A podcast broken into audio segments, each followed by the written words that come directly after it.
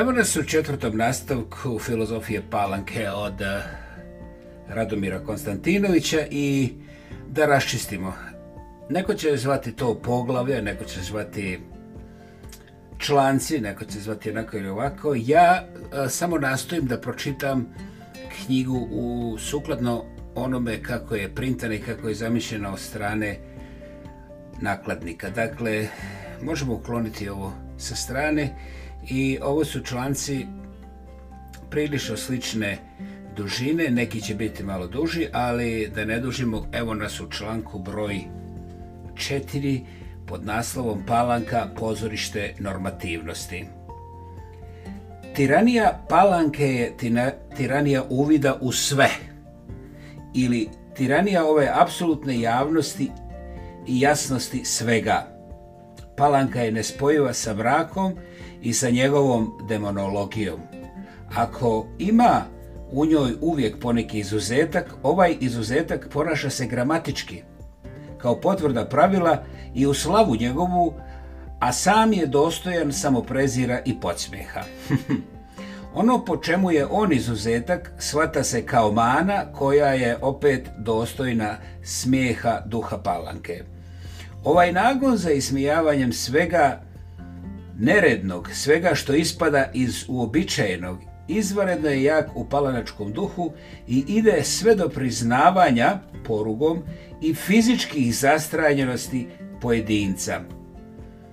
Podsmih fizičkoj mani, mako je vrste, uvijek spremno čeka u palanci, ali u, i uopšte posmih ma kakvoj odlici po kojoj se pojedinac razlikuje od drugih.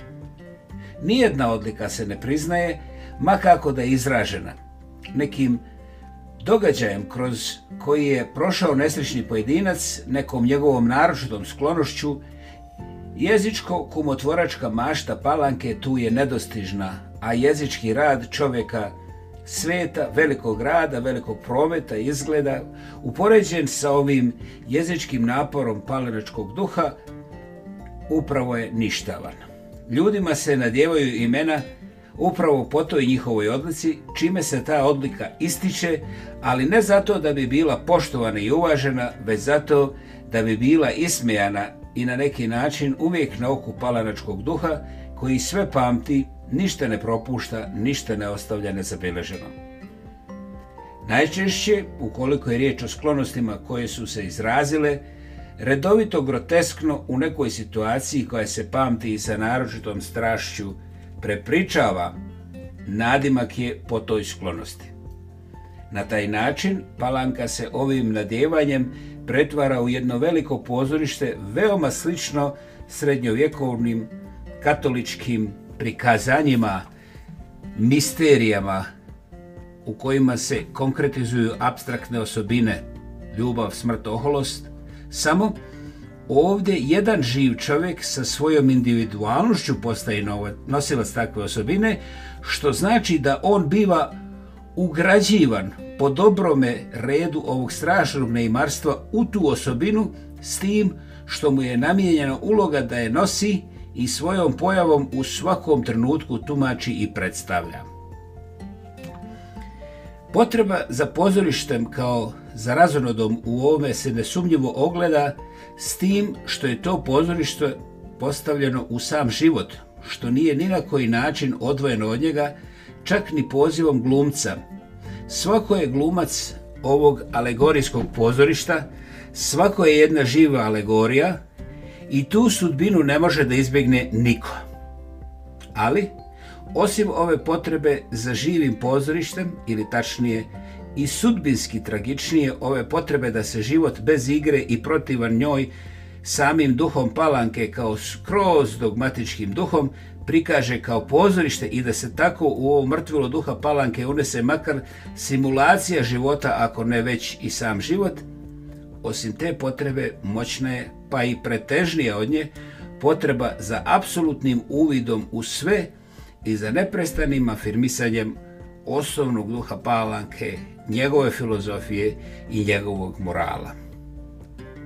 Pojedinac se podređuje u ovom svirepom pozorištu kojim vlada neobuzdani smijeh većine od talasa do talasa poruge, duhu palanke ne samo u načelu i ne samo u velikim trenucima koji bi mogli biti egzistencijalno iskušenje za sami taj duh, on mu se podređuje u životnoj praksi i to svakodnevnoj. Muzika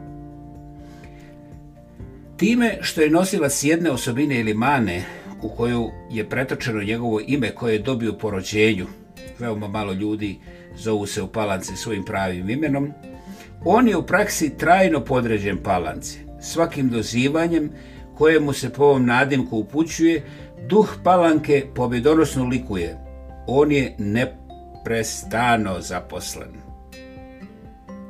Palanka je u tom smislu bezmjerno vredna, ona se imenuje neprestano, a duh palanke javlja se tako kao jedan duh kumovanja koji se nikad ne umara i koji one koje je krstio ne prestaje neprestano da doziva, kao da ne želi da se oni makar jednog jedinog trenutka vrate u pređašnje svoje stanje iste uloge, istog pozorišta u kojega je on ugradio.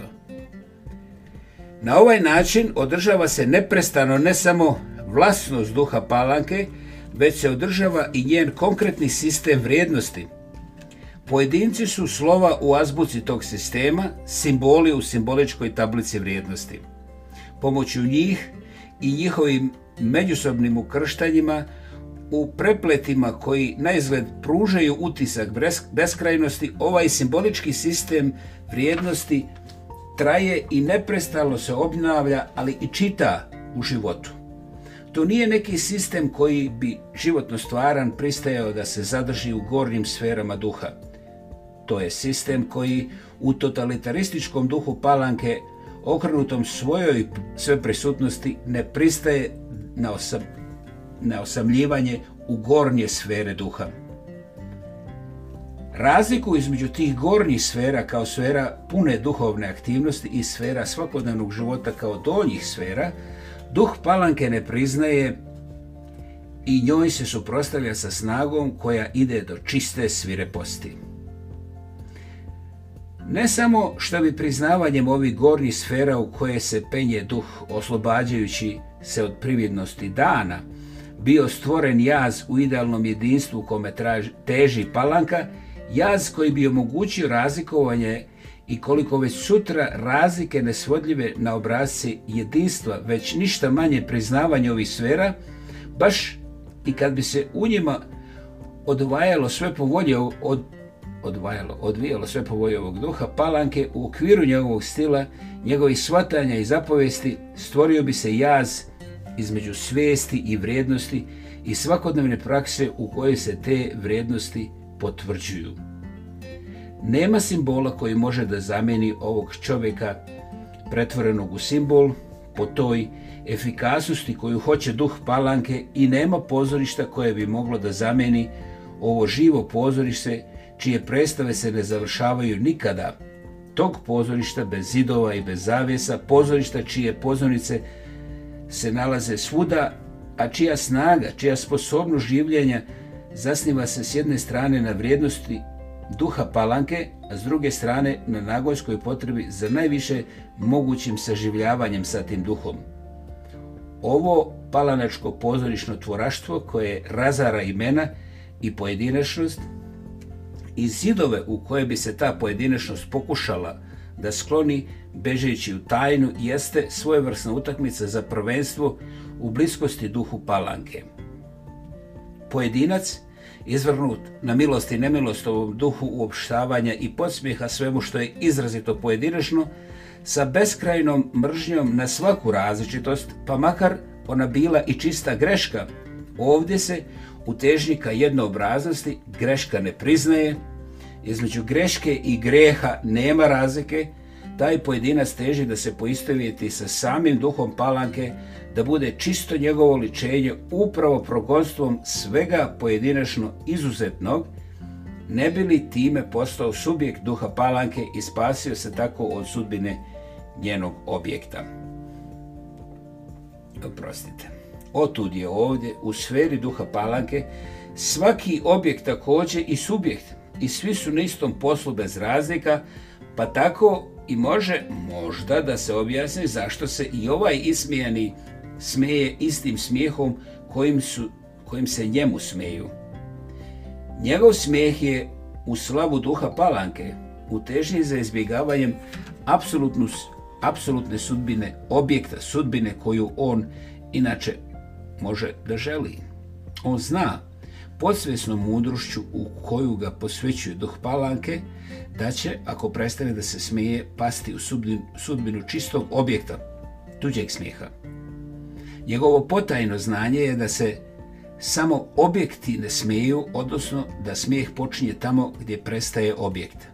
Smijeh njegov je u funkciji subjekta, ali subjekta koji je strogo određen merelima duha palanke, njenom važećom tablicom vrijednosti, pa zato i nije subjekt. Zbog toga taj smijeh nikad ne može da postane uistinu slobodan, njega prožima ova svijest o zabranjenom prostoru apsolutnog oslobađanja od mjerila duha palanke. On zato nije čist smijeh koji bi postao samom sebi svrha, već uvijek jedan prevashodno satiričan smijeh, onaj koji ne vodi iracionalnosti, racionalnosti, jer ne vodi potpunom oslobođenju od motiva i od vrhovnog plana sve vladajućeg duha palanke posvećenog tog, tom motivu. On je uvijek određen motivom i racionalizovanom sviješću o njemu i tim je sarkastičniji što je svijest o ovom ropstvu datom motivu veća, što je dublja svijest o zabranjenoj i racionalnoj slobodi, koja je sloboda jedino ako je i sloboda od normativnog duha palanke.